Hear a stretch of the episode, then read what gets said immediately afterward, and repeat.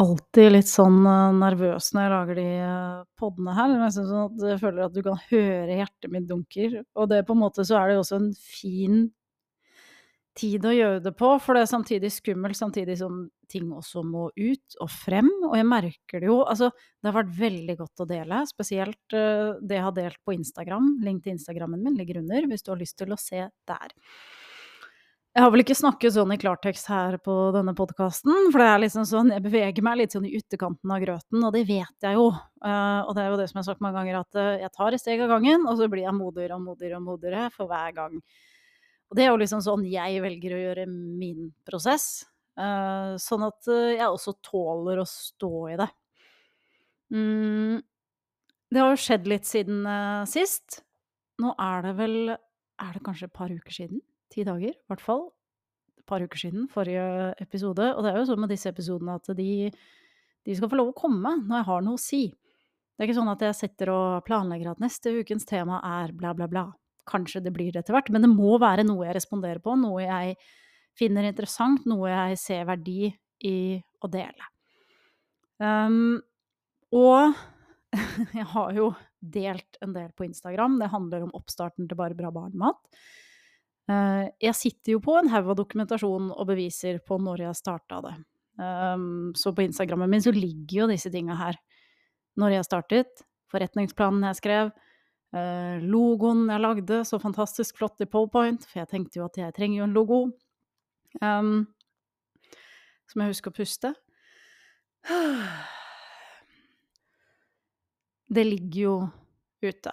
Så jeg har på en måte vist til at og, grunnen til at jeg gjør det her, det er jo fordi at det jeg har gjort, blir så sterkt fornekta at jeg gidder ikke å sitte og se på det lenger, for jeg vet hva slags jobb og innsats jeg har lagt ned som bare sitter igjen med null kreditering. Eh, så da får jeg ta den krediteringa sjæl, den jobben, rett og slett. Um, fordi Altså, hva vil det si å starte et firma jeg hadde et enkeltpersonsforetak i 2014. Eh, og så startet jeg et AS i fellesskap i 2017. Så det er jo en sånn gap her med noe som ikke henger eh, på greip.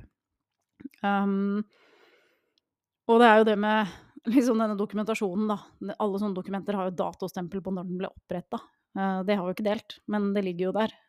Sånn at dette er jo veldig tydelig og veldig beviselig, men det blir jo fortsatt veldig, veldig hardt fornekta. Uh, og tilbake til det, så har jeg visst at det at jeg deler historien min på nytt, uh, vil jo få en eller annen form for konsekvens for min del. Uh, men det har jeg valgt at dette skal jeg stå i denne gangen. Jeg skal ikke løpe noe sted. Jeg er nødt til å face det, for dette har tatt opp så mye av min tid og mitt liv de siste fire åra at jeg er nødt til å gå igjennom det. Det er ikke noen vei utenom. Og så har jeg også de aspektene med hvordan jeg blir bedre, hvordan jeg driver med uh, Altså, bli frisk, for jeg har jo posttraumatisk stress.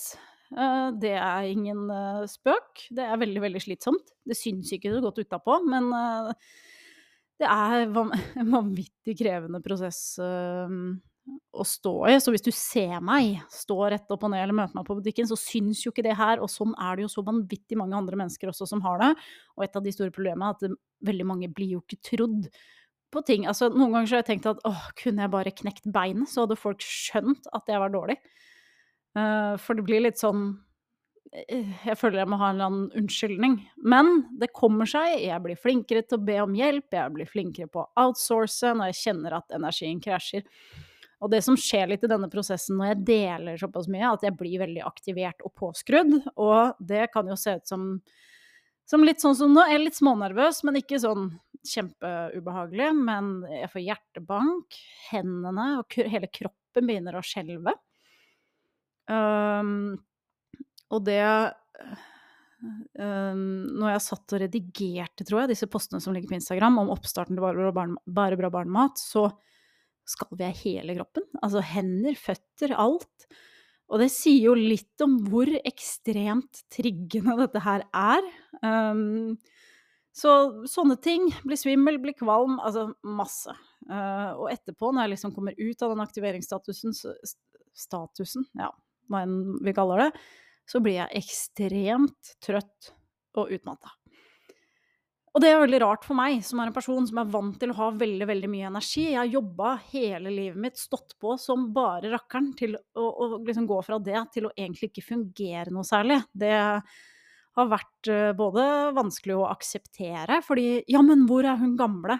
Hun, hun jeg kjenner, hun jeg er vant til å liksom bare jobbe på. Hun er inni der, men eh, det betyr at det er andre ting jeg nå skal ta tak i først, før hun får lov å våkne. Og jeg må igjennom disse tingene jeg syns er så forbanna skummelt og ubehagelig å stå i. Men til slutt så har jeg ikke noe valg. Um, så må jeg bare si tusen takk for all støtte fra nær og fjern. Jeg er veldig heldig også som har et veldig godt nettverk eh, med gode mennesker eh, rundt meg. Eh, det hadde ikke gått uten dem.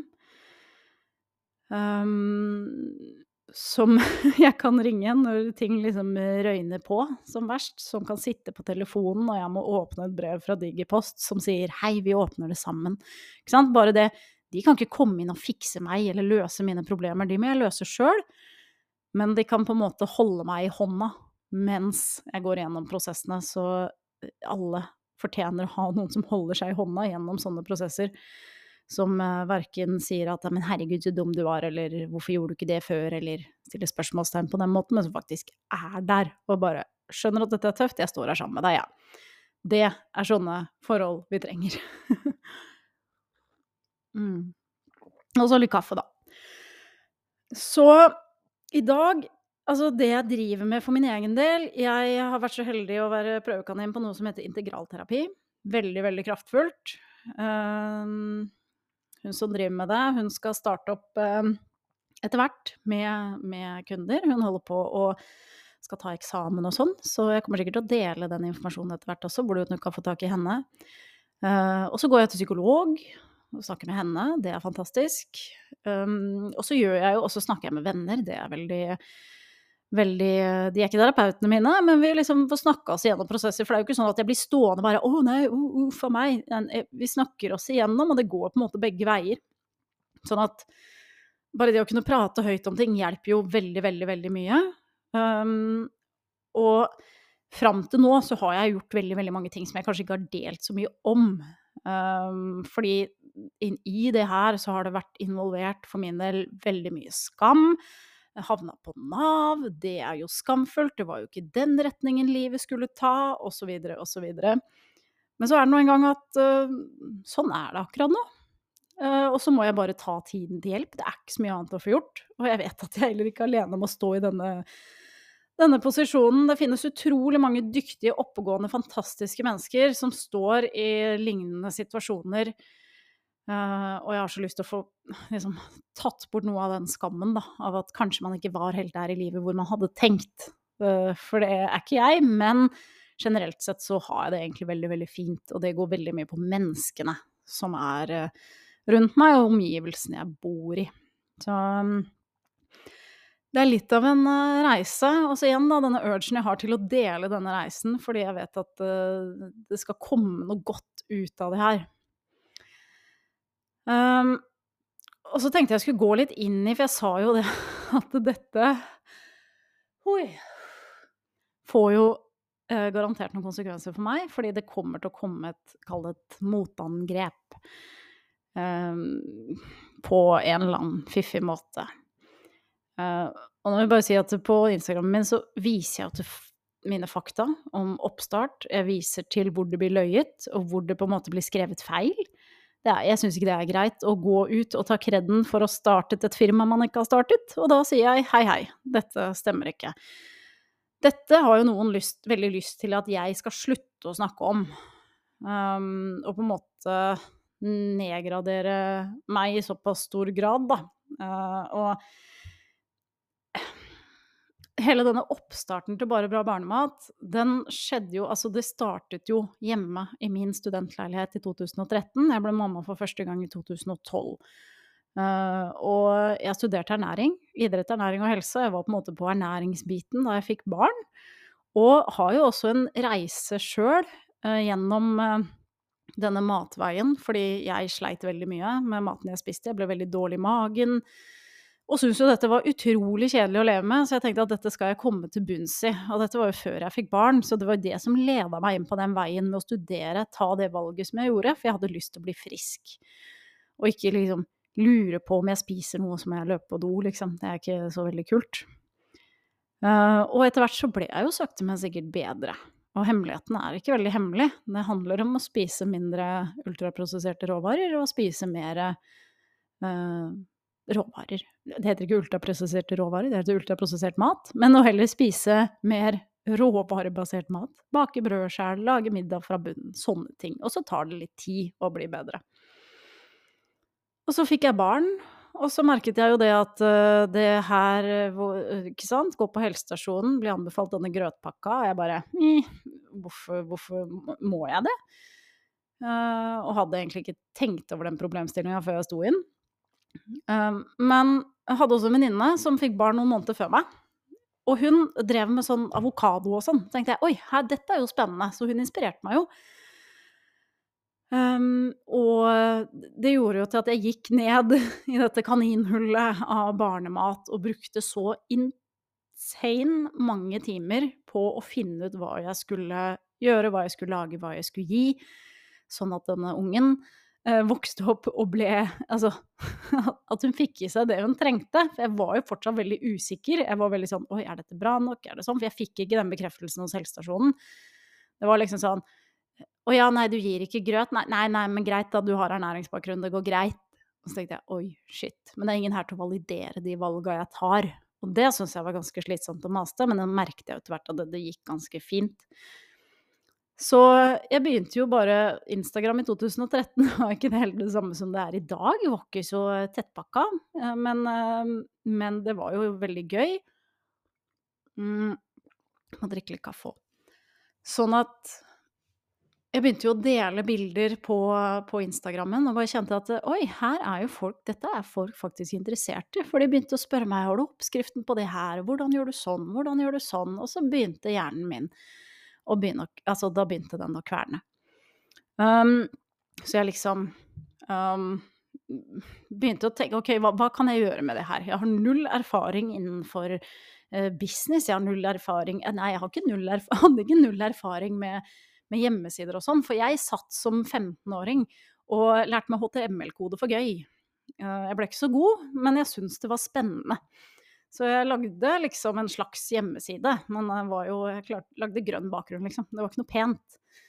Men jeg hadde jo denne tekniske innsikten med meg, jeg er ganske nerdete på sånne ting, eh, og jeg gir meg på en måte ikke før jeg har funnet ut av det. Så jeg satte vel opp en eh, Jeg prøvde meg vel på altså, det, er, det, er, denne veien man går når man starter noe. Prøve, feile, prøve, feile, prøve, feile, prøve, feile, og finne ut av ting. Eh, når man ikke har noe erfaring. Sånn som jeg. Jeg hadde ikke noe erfaring, så jeg måtte jo finne ut av alt. Så jeg lagde vel en slags eh, blogg etter hvert, eh, og en Instagram, og, men jeg hadde liksom ikke noen klar plan, mål og visjon enda. Jeg bare visste at dette vil jeg snakke om, dette syns jeg er gøy. Og det må jeg bare si, det er et grådig viktig punkt når du skal starte noe. Du må synes at det er kjempegøy. Hvis ikke så kommer du ikke til å holde ut i de lange løp. Så et tips, bare. For jeg begynte jo å dele dette her av glede. Jeg, jeg delte jo ikke det her for at oi, jeg skal starte noe, en bedrift, liksom. Så jeg gjorde det, og så kjente jeg etter hvert at oi, dette bruker jeg fryktelig mye tid på og fryktelig mye energi på. Å sitte og svare folk og liksom alt det her, og bare her må jeg gjøre noe annerledes. Uh, fordi kanskje jeg kan begynne å ta meg betalt for tiden min i stedet. Uh, for her er det veldig mange som lurer.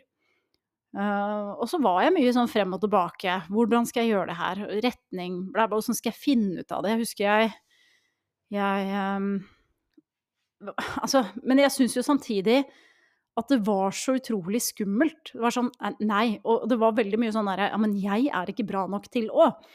Uh, jeg kan jo ikke starte et firma. Altså, hvordan vil folk se på meg da? Og dette er sånne prosesser jeg nesten har glemt at jeg har gått gjennom. Men den dagen jeg oppretta enkeltpersonsforetak, da var jeg så nervøs. Jeg var så redd for Og hva skjer nå? og det er jo en helt sånn tullete frykt, egentlig, men den var der. Det eneste som skjedde, det var at jeg fikk noen telefoner fra telefonselgere som skulle selge meg noen ting jeg absolutt eh, trengte. De sa jeg nei takk til. Jeg forsøkte Ble nesten skamma der, men det fikk jeg ordna opp i.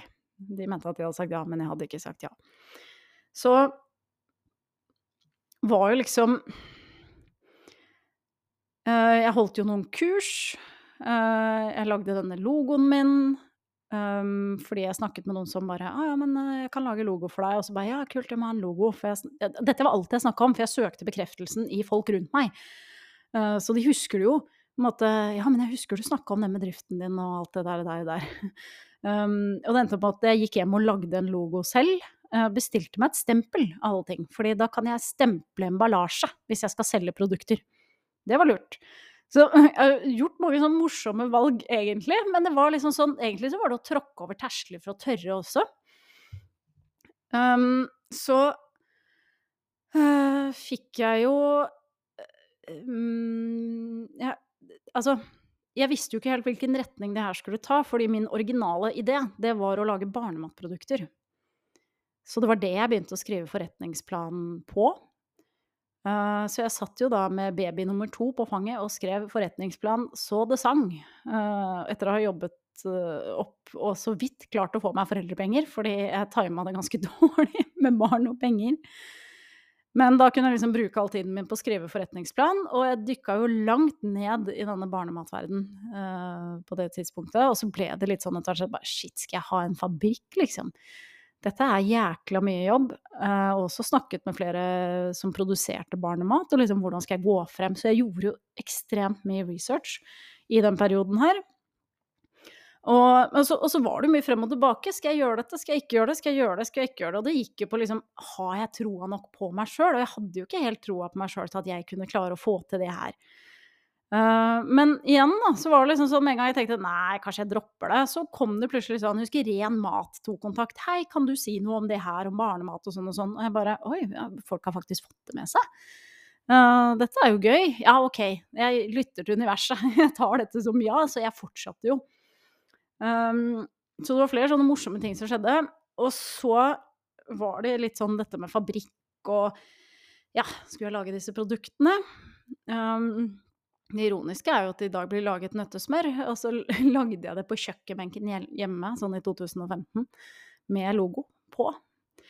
Ja, så ironisk. Jeg vet ikke. Jeg, nei, jeg vet ikke hva jeg skal tenke om det engang. Men um, det ble i hvert fall sånn at jeg syns at det var liksom Det føles ikke helt riktig, da, den retningen. Og så kom jeg inn på digital markedsføring.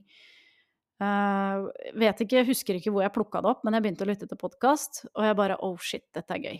Dette er kjempegøy. Kjempe, kjempe, kjempegøy. Her, vi, altså her er det mulig å nå hele Norge med veldig enkle strategier. Det er mulig å nå ut til mange, det er mulig å hjelpe mange.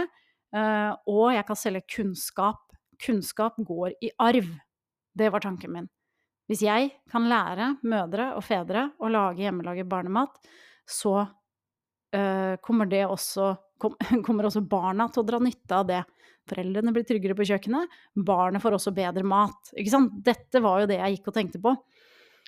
Um, så jeg brukte jo noen gode måneder på å um, lytte meg opp og lære mer om digital markedsføring. Uh, fordi jeg syntes det var så innmari, innmari gøy. Og etter hvert Nå liksom sånn, nå har jeg fått ikke sant, 2013, 2014, 2015, da fikk jeg mitt andre barn. Og så kommer vi da liksom til uh, 2016, hvor vi da møtes. Uh, og det jeg har skjønt i etterkant, det var jo at den personen som jeg endte opp med å jobbe med, kom jo til meg kom på besøk til meg med en intensjon om å kjøpe navnet Bare bra barnemat. Um, det leste jeg først om i 2022, altså i fjor. Det visste jeg ingenting om. Uh, så det var jo litt overraskende, men uh, jeg skjønner jo at det kan ha vært en mulighet. Men da tenker jeg at allerede der så har jo man går, ikke gått inn med en ærlig intensjon da, om hva man driver med her. Så jeg var jo på punkt av, også på et sånn vippepunkt og jeg ble litt sånn derre skal jeg gå all in på det her, eller skal jeg legge det litt på is? Uh, igjen da, på mangel på troa på meg sjæl. Og når det da kom et menneske som hadde like stor interesse som meg uh, på dette temaet her, så var jeg bare sånn Yes, kult! La oss gjøre det sammen. Og jeg er jo uh, Ja, jeg har i hvert fall sagt lenge at jeg er jo innmari glad for at vi var to Det var jo fantastisk gøy! Så lenge det var gøy. Um, for det var nok ting som skurra før jeg egentlig innså det. Men uh, det er jo lett å si etterpåklokskapens navn. Men jeg husker dette møtet da vi sitter der og uh, vi liksom ble enige med at ja, men vi kan jo starte dette sammen, da. Eller videreføre, som det egentlig heter. Og så skal jeg tilbake til en melding som har blitt skrevet uh, snart. Men det som skjedde da, det er at da har jeg gått og nøla på digital markedsføring så lenge. Sikkert over et halvt år, ti måneder, jeg husker ikke helt. Um, og det var på en måte egentlig bare å trykke på startknappen, fordi det er akkurat som jeg bare står og venter på dette øyeblikket. Uh, og så husker jeg jeg spør ja, men hva er det du liker å drive med? Fordi her kommer jeg på et tidspunkt at jeg vil jo at vedkommende skal føle seg inkludert. ikke sant? Vi er to om det. Jeg skal ikke sette meg på en høy hest og være sånn 'Jeg startet dette, så du må liksom følge det jeg sier.' Det syns ikke jeg er en ålreit måte å gjøre ting på. Så jeg var sånn Ja, dette er oss. En sånn inkluderende greie. Det var det jeg tenkte. Um, så jeg husker jeg spurte hva det du liker å drive med, og da var svaret at nei, jeg liker å drive med Facebook og sånn.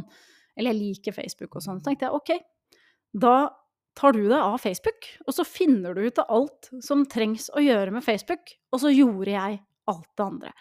Og for deg som driver en digital bedrift, så vet du at alt det andre, det er mye. Så da var liksom avgjørelsen tatt. Ja, vi gjør dette sammen. Og så husker jeg så soleklart at jeg sa men jeg vet hva vi skal gjøre. Bam! Ikke sant? Den startknappen. For jeg har gått og forberedt meg så intenst lenge.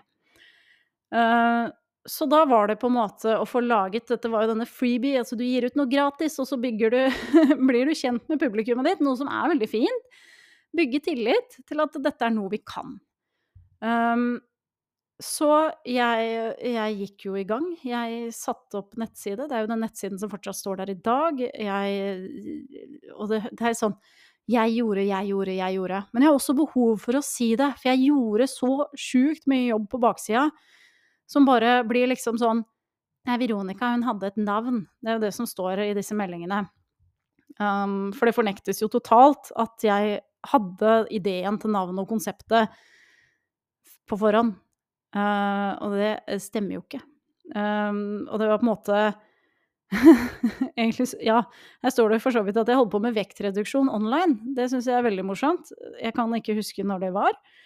Uh, for jeg husker jeg var liksom, ja, kanskje jeg skal ha noen sånne treningsgrupper. Og så er det sånn, nei, det er jo barnematen som ligger uh, inni hjertet mitt.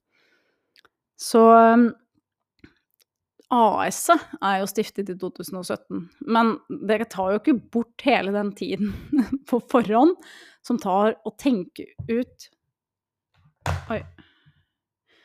Som det tar å på en måte tenke gjennom disse prosessene så mange ganger da, på hva dette skal eh, bli. Jeg måtte bare skru på skjermen på PC-en min. Um, så det er liksom det står på en måte her at jeg hadde navnet klart. Ikke sant? Jeg blir på en måte det nedgradert at jeg hadde et navn på noe. Men jeg hadde et navn som var såpass kjent at folk hadde fått det med seg uh, i lang, lang tid før det kom en ny person inn i bildet. Så det handler jo vel egentlig om hvordan man ser på det, da. Um, si at du har en bedrift du, og et navn, da. Ta et random navn. Kamerastativ.no f.eks., som du har tenkt på i årevis, og så får du med deg liksom, og godt og kokt på konsepter og på en måte alle disse tingene her, så får du med deg en person på laget. Og så blir liksom all den jobben og tankevirksomheten og tekst, alt du har skrevet, alt du har gjort på forhånd, det blir bare sånn Nei, men du gjorde ingenting. Og det er sånn Nei. Vi skal ikke holde på sånn. Vi må kunne gi hverandre kred i denne verden. Um, og, og så må jeg si at det hadde jo Barbara Barnemann hadde jo aldri vokst så fort øh, og blitt så stort hvis det ikke var to stykker. Jeg hadde det kjempegøy på den veien. Vi hadde fantastisk mange gode samtaler og på en måte sparringer og kunne snakke om alt, og det gjør vi nå, ikke sant. Det var alltid hvis jeg skrev en mail, så sendte jeg jo den over. Hei, kan du lese gjennom den her? Uh, ok, rett noen skrivefeil, fint, sende det ut. Ikke sant? Så du har jo hele den der kastevalgprosessen underveis, som er fantastisk bra. Men det er liksom Det står jo der, og det står jeg jo for. Men hvorfor i all verden skal jeg sitte og bli så nedgradert i ettertid? Jeg syns ikke det er greit å gå i media og si 'så startet jeg', og så fikk jeg ideen og startet Bare bra barnemat alene. For det har jo stått på trykk. Nå er det endra fordi jeg sa ifra. Sånn at hvor det nivået kommer inn, det, det skjønner jeg ikke helt. Fordi hadde det vært så enkelt at man faktisk skrev den sanne historien, så hadde jeg aldri lagd denne episoden. Det hadde ikke vært noe poeng. Men i og med at det blir fremstilt sånn som det gjør, så er mitt behov å si hei, dette var det som skjedde. Uh, og så er det jo en Jeg skal ikke gå inn i alle detaljer, uh, detaljer, nå. Men det er jo en lang reise underveis her. Uh, og så rakner det jo. Fullstendig rakner det. og det er nok flere ting som leder opp til det. Det er liksom Det går fortsatt i hodet mitt å tenke på ok, hva var sånn og hva var sånn, men jeg vet sånn følelsesmessig at jeg for min egen del begynte å føle meg mer og mer begrensa, nesten som at det ble lagt litt lokk på hodet mitt. Fordi jeg er en kreativ person som elsker utvikling og bare veldig sånn Kanskje litt sånn Jeg er mye. I et sånt Og i hvert fall med noe som jeg tror så innmari på og brenner så innmari for. Og underveis så er det på en måte Jeg kjente liksom mot slutten her at jeg var så lei av å bære, og sliten, rett og slett, av å bære veldig mye ansvar på mine skuldre, fordi jeg sto for alt av kampanjer, salgsstrategier og liksom alt det som gjorde at vi fikk inntekt inn til firmaet. Og det kom liksom ikke så mange ideer fra den andre kanten. Uh, sånn at jeg kjente at jeg var litt uh, jeg, var sliten. Jeg tror nok jeg egentlig var på nippet til utbrent, uten at jeg egentlig var så klar over det sjøl. Eh, så det er jo kanskje fint å ta meg på et sånt tidspunkt hvor jeg egentlig er ganske ferdig. Jeg var lei.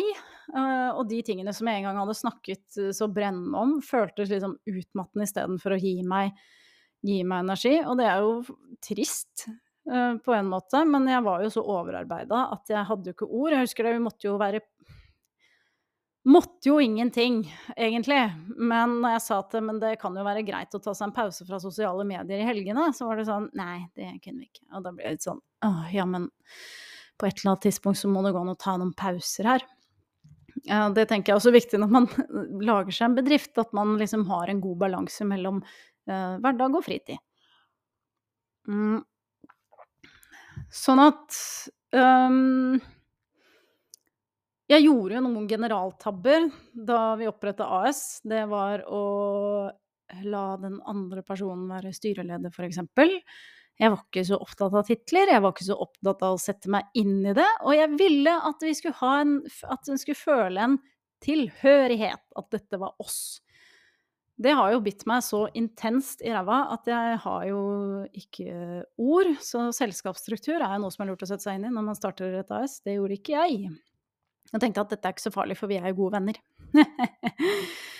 Eh, det er noe man må passe på. Man må også man må ha en plan når man starter, og man må ha en plan på hvordan man skal gå ut av det, hvordan man skal avslutte det, for det hadde ikke vi, og det var jo skikkelig dust. Sett i etterkant. Det er harde læringer, altså. Men så er det det at jeg blir jo Det skjer så mange, masse i denne prosessen hvor jeg blir skvisa ut. Um, og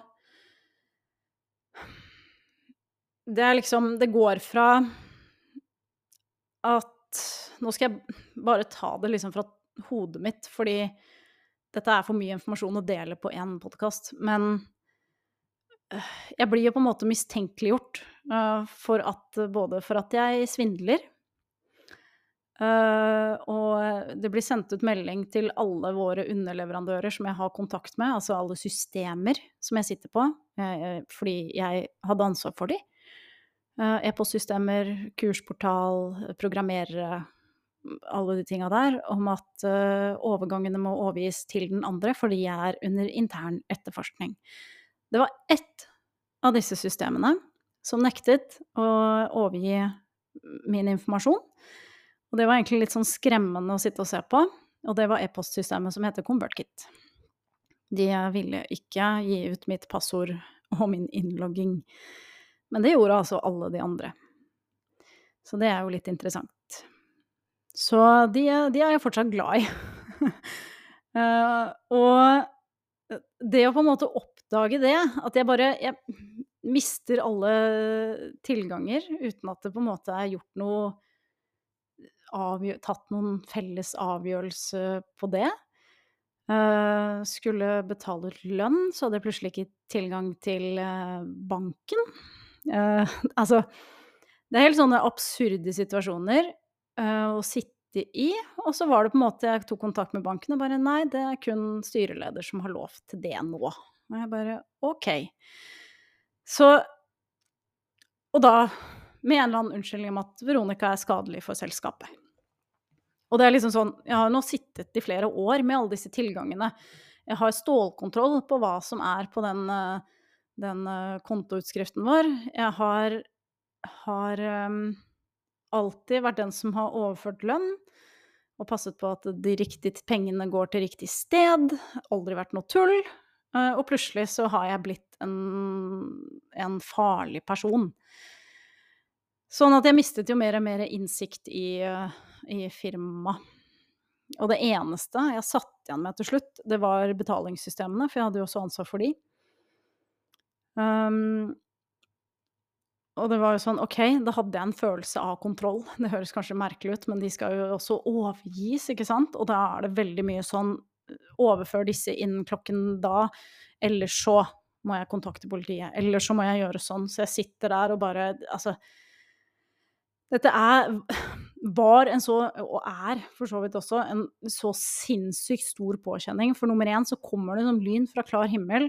Plutselig så har jeg ikke tilgang til noe av det jeg hadde tilgang til.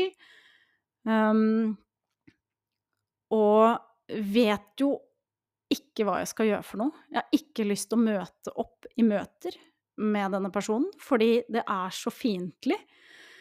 Uh, og jeg vet at uh, Og så er jeg liksom på et tidspunkt jeg er veldig forvirra. Hva er det som skjer? Um, og det er jo det det endte med til slutt, etter et halvt år i, med å stå i sånne prosesser. Gjør sånn, eller så er det søksmål. Gjør sånn, eller så kontakter jeg politiet. Gjør sånn, eller så. Jeg har så mange mailer. Uh, så jeg driver egentlig med brannslukking hele veien. På å prøve å på en måte ro det ned, og så må, må man jo til slutt komme til en enighet på kjøp og salg osv., som heller ikke var så enkelt. Fordi Ja. Jeg tror jeg egentlig var i sjokk, og i det som vi kaller for freeze, eller fawn. Altså jeg var liksom handlingslamma, fordi det var som å, som jeg skrev på Instagram, var som å få et lyntog i trynet, samtidig som livsgrunnlaget bare forsvant under beina mine. Jeg mistet jo inntektsgrunnlaget mitt. Um, og de skadevirkningene for min del i etterkant har jo vært såpass store at jeg i dag eh, Det tar tid å få psykolog i Norge, i hvert fall gjennom offentlig helsevesen, har fått diagnosen posttraumatisk stress. Eh, den får man jo ikke uten grunn. Så det å liksom bli innkalt av noen man en gang tok med seg i en bedrift, og startet sammen med, og så bli innkalt til et drøftingsmøte hvor vi skal drøfte min oppsigelse. Da er det sånn at jeg tenker bare Vet du hva? Nei. Hvorfor i all verden skal jeg møte opp der på den måten, etter, det, etter liksom alt og denne måten og hvordan jeg har blitt behandla på? Skal jeg sitte der med noe jeg sjøl starta, og så skal jeg sitte og drøfte min egen posisjon i selskapet? Uh, med noen da som har begynt å titulere seg som styreleder og daglig leder fremfor noe annet. Egentlig sånn maktspill, da. Og jeg bare Nei, det er ikke jeg med på. Uh, hvor jeg da får eh, oppsigelsen min levert på døra hjemme. Uh, det var jo hyggelig, i hermetegn. Så det er litt sånn som Litt utdrag av hvordan ting har vært. Um, og jeg hadde hatt jækla god fantasi om jeg skulle klart å finne på alt det her. Um, sånn at når jeg har gått ut og delt historien igjen Altså, jeg har både delt en post hvor det står liksom fakta om oppstarten, uh, og så ligger det også i highlights på Instagram som heter BBB, som er mer av Det var den første liksom delingen jeg gjorde. Den var ganske, ganske emosjonell og veldig, veldig skummelt å gjøre. Men det viser jo mer til ting og tang jeg har fått, altså brev eller hva som har skjedd. Og så får jeg jo da høre om meg sjøl, og nå står jeg heldigvis så stødig og trygt i meg sjøl at jeg egentlig har bare lyst til å vise til disse meldingene. For å gi et eksempel på hvordan sånne ting kan se ut. For dette er ikke hvordan vi skal behandle hverandre. Um, så liksom nå skal, nå skal, jeg plukke litt, um, men du skal bare få høre. Liksom, nå skal du se om du catcher sammenhengen. Uh, her står det f.eks. at jeg ønsker ikke å si noe vondt om Veronica, men her står det også at uh, Men hun, altså meg, må bearbeide det vonde hun opplevde før hun møtte meg. Um, OK. Og så uh, står det jo også at jeg um, jeg eh, vil ikke Altså, jeg vil aldri, uavhengig av årsak eller situasjon, sannhet eller usannhet, snakke stygt om andre. Og så står det her i en setning om meg, Veronica altså, som sitter her og prater, at uh, dette er jo da sendt fra den personen jeg jobba sammen med. Jeg opplever henne som veldig mentalt ustabil. Jeg vil henne godt og ønsker ikke på noen måte å henge henne ut i offentligheten. Så det er litt sånn Ja. Um, jeg fikk også en melding fra en lege, faktisk, i innboksen min på Instagram, og bare, som sier veldig klart og tydelig at dette er hersketeknikk. For det å gå ut og uttale seg om andre sin mentale helse er jo kanskje ikke noe vi skal drive med nå er jeg såpass heldig at jeg går til en veldig dyktig psykolog som har utreda meg for alt det som kan utredes for. Som uh, har konkludert med at jeg har veldig sterkt trykk av posttraumatisk stress. Ellers så er jeg veldig frisk. Så det er liksom Sånne ting kastes jo ut og sendes uh, i private meldinger til tilfeldige mennesker. Og det Ja, OK, hvis man vil holde på med det, så vær så god. Uh, må jo bare fortsette. Men jeg har bare lyst til å vise til noen, uh, noen eksempler. Og så kommer det også Det som er litt sånn fiffig her, det er at det, det kommer jo en sannhet, og så kommer det en løgn. Um, for den ene For her kommer det jo tekst på tekst på tekst om hva jeg har gjort for noe galt. Uh, og den ene, der står det at uh, hun, altså vedkommende hun jeg jobbet med, uh, at jeg, jeg lånte 60 000 kroner av henne. privat. Det stemmer. Jeg lånte 64, faktisk, 1000 kroner um, privat. Uh, fordi det var noen andre som ville ha pengene sine, og da uh, tilbød hun seg å låne meg de pengene. Og sa ja takk, og bare det er ikke noe problem, det går kjempefint. Uh, men så står det i neste setning at jeg, altså Veronica, har da nektet for at jeg har lånt pengene. Um, og det er ikke sånn jeg trenger ikke å bevise min uskyld her, det er ikke det som er poenget. Jeg har bare lyst til å vise til hvordan disse halvsannhetene, løgnene, ser ut. Uh, fordi det første jeg tenker når jeg leser den meldingen, det er jo at ja, men dette har jo jeg eh, SMS-er på, hvor vi snakker om hvordan jeg skal betale tilbake de pengene. Så jeg har jo aldri nektet for at jeg har lånt de pengene. Uh, og det er jo også dette lånet som endte opp med å bli den summen jeg uh, solgte meg selv ut for uh, når vi kom til den dagen at jeg ikke orka mer og endte opp med å selge aksjene mine.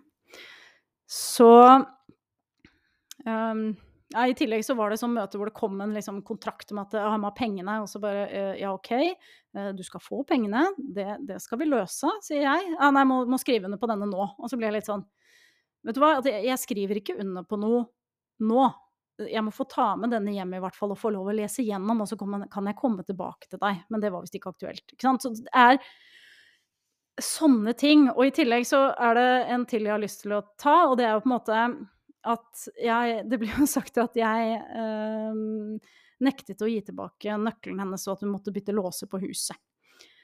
Og ja, jeg hadde husnøkkel. Det er helt riktig. Og det var liksom hvis vi satt og jobbet mye uh, Hun skulle hente i barnehagen, og jeg låste meg ut og dro hjem, så jeg slapp å kjøre gjennom køen.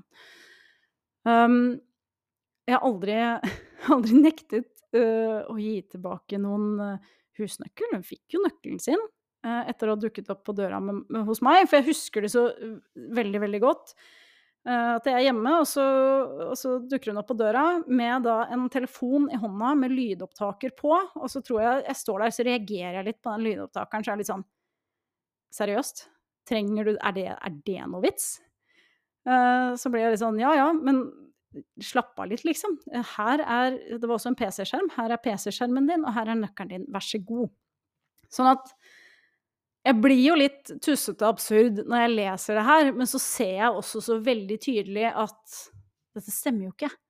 Ja, det er litt sannhet, og så er det bare Hæ? Uh, samme med at Jeg måtte jo si det til psykologen min, at jeg ble kalt At jeg ble opplevd som veldig, faktisk, mentalt ustabil, og psykologen bare Hva? Hun eh, ble ganske sjokkert. Så dette er litt, liksom, hvis du kan tenke deg litt av de tingene som jeg har stått i, dette er litt av de tingene jeg har stått i. Uh, det kan være Heldigvis, som jeg sa, så står jeg veldig stødig i meg sjøl nå og ser veldig klart og tydelig hva som har skjedd. Men når du står midt oppi det, så er dette fryktelig vanskelig å legge merke til, fordi man Eller jeg, altså Man tviler så innmari på seg sjøl. Kanskje jeg har gjort noe gærent jeg ikke vet om. Altså sånne ting som dukka opp. Så det er det jeg har gått og kverna litt på de siste dagene. Det er øh, Og nå er det jeg som outer meg sjøl, da, ikke sant? Men jeg jeg føler jeg er bare nødt til å ta opp disse to tingene, som bare er sånn Eller tre, da. Som blir sånn Sånn ser det ut. Jeg har vært borti dette før uh, med andre mennesker, og det er på en måte um, når du vet sjøl at du har gjort noe, du vet sjøl at du har sagt noe, så kommer den andre personen og vrir på det bare 'Nei, det var ikke sånn', og så begynner du å tvile på deg sjøl. Det er ganske skremmende oppførsel. Så vet ikke helt hva mer jeg har å si. Det er jo nevnt flere mennesker og sånn inni denne teksten, men jeg, måte, jeg velger å holde dette til to mennesker, jeg. Um, men jeg kan jo egentlig svare på alt, men jeg føler at alt til sin tid. Um, så skal jeg bare se om det er noe mer jeg skulle Mer jeg skulle ta opp. Ja. Så det er jo liksom sånn Kunne ikke bare historien fortalt sånn som den var? Kunne ikke bare sannheten stått på trykk? Kunne jeg fått litt kred? Det er jo samme som med alle innlegg jeg har skrevet på denne nettsiden. Navnet mitt er fjerna overalt. Og jeg vet ikke om det er en måte å unngå sannheten på, å ta lære sjøl, men altså, jeg vet da søren, jeg. Er dette Ja. Man får jo kanskje tenke sjøl. Men dette er i hvert fall noen av mine opplevelser. Jeg jobber med å bli bedre. Det skjer jo mye Altså bare sånn som å få de meldingene her. Da er jeg rolig. Jeg fikk de tilsendt av noen som hadde fått disse meldingene på Instagram, altså. Um, jeg får de, og så leser jeg de, og så blir jeg litt sånn what? Og så er jeg rolig kanskje noen minutter, og så begynner kroppen å reagere. Med sånn skjelvinger og puls og dirrer jo hele kroppen. Men jeg vet at jeg skal tåle det ubehaget kroppen gir meg, uh, for jeg er såpass trygg og rolig inni meg nå. Og det i seg sjøl føles jo også uendelig godt. Og så håper jeg at det blir en, en, eller annen slags god avslutning på denne historien. For jeg kommer jo ikke til å snakke om det her i evigheten. Jeg snakker om det, som jeg sa på Instagram også, at jeg snakker om det så lenge jeg har behov for det, eller er behov for det. Og så vet jeg jo at jeg kommer til å gå øh, i andre retninger.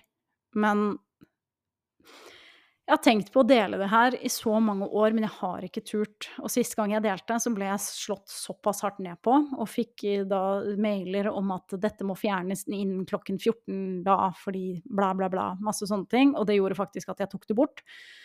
Fordi dette var rett før sommeren, og jeg ønsket en ålreit sommerferie med barna mine. Det var i fjor. Og jeg orker ikke å stå i det trøkket der én sommer til, sånn som jeg gjorde i 2019. Så det er liksom sånn Ja, det er lenge siden, men vet du hva? Det tar faktisk litt tid å bearbeide sånne her ting. Um, skjønne hva man har stått i, og liksom bare komme til sine fulle fem igjen.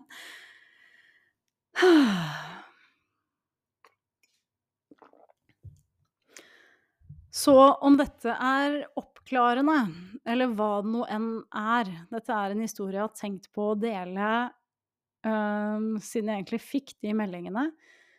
Og så er det sånn Nei, du trenger ikke å gå ut og forsvare deg. Men sånn Nei, jeg gjør ikke det. Men jeg har bare lyst til å vise til hvordan sånne ting kan se ut. For jeg vet jo at det der ikke er sant. Så det er på en måte Ja. Jeg håper så inderlig at sannheten er sterkere enn en motsatsen, og at vi begynner å bli litt ferdig med sånne ting i samfunnet vårt, for jeg vet at det skjer på veldig mange plan. Det skjer i familier, i forhold, det er foreldre, det er tanter og onkler, det kan være besteforeldre, øh, vennskap. Det kan være kusiner og fettere, eller, eller uh, sjefen, kollegaer. Um, og det vi trenger, er at vi begynner å snakke opp mot sånne ting.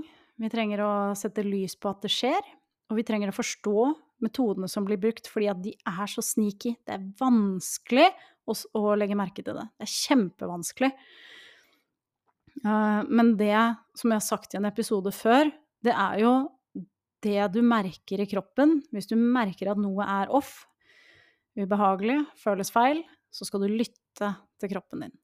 Den, sjøl om det ikke fins noen kalte sånne røde flagg som er veldig tydelige, kroppen sier ifra. Veldig, veldig tydelig. Kanskje litt rolig i starten, men etter hvert så vil den si ifra veldig, veldig tydelig. Um, og det er med en gang noen begynner å putte på deg noe. Altså, du er så sånn, det er så typisk deg òg, prikk, prikk, prikk. Um, sånn at de egentlig på en måte prøver å ha kontroll på det. Uh, og det er jo ikke sånn, vi, vi, skal ikke kontrollere andre mennesker. Vi kan kontrollere oss sjøl, våre egne handlinger, hva vi sjøl gjør, men vi skal ikke drive og putte det på andre. Og hvis du merker at du gjør det, så betyr det ikke at det er, er en dårlig ting, men du kan i hvert fall bli oppmerksom på det. Hvorfor føler jeg at jeg trenger å ha kontroll på dette mennesket? For du, in the så kan du ikke kontrollere andre mennesker. Det går ikke. Um, det er noe andre mennesker får gjøre sjøl. Altså den endringen vi vil gjøre, må vi gjøre sjøl. Uh, hvis andre mennesker ikke vil, så er det opp til dem. Det er uh, den fine greia med, med, fri vilje. Det er opp til enhver av oss. Um, jeg har nå valgt å møte det som er den største frykten min akkurat nå, og det er å snakke høyt om det her. Fordi det har vært så slitsomt å ha noen etter seg, og jeg har ikke lyst på det en gang til, men tiden vil vise. Men uansett om noen kommer etter meg nå, så kommer det ikke til å funke. Jeg kommer til å fortsette å dele historien min, eh, også med en trygghet og en tyngde i mennesker jeg har i ryggen, som eh, sier at det er ingenting som eh, eh, gjør deg kriminell å dele historien din. Så det var litt om oppstarten til eh, Barbara Barnemat, og litt om fallet, kan vi kanskje kalle det, for min del. Um, og så er det noe med liksom Det kan jeg kanskje komme inn på en annen gang, men konsekvensene det har fått. Fordi jeg mistet jo livsgrunnlaget mitt, og nå er jeg på Nav. Det er fantastisk. Ironi. Humor er min, en av mine overlevelsesmekanismer. Jeg må kunne le av ting.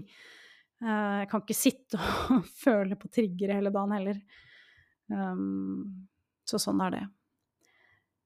Så er det noen spørsmål, så er det lov å sende de på Instagram, eller om det er et eller annet du vil dele eller vil si. Jeg vet at det er mange som, som også har vært borti lignende opplevelser, eller som står i det. Og jeg kommer også etter hvert til å komme inn på liksom tegn man kan se etter, hvordan psykologien fungerer. Dette er noe som jeg har eh, Jeg har jo på en måte forberedt meg litt på samme måte som med barnemat, for jeg har brukt tiden de siste årene på å lese meg opp på akkurat disse temaene.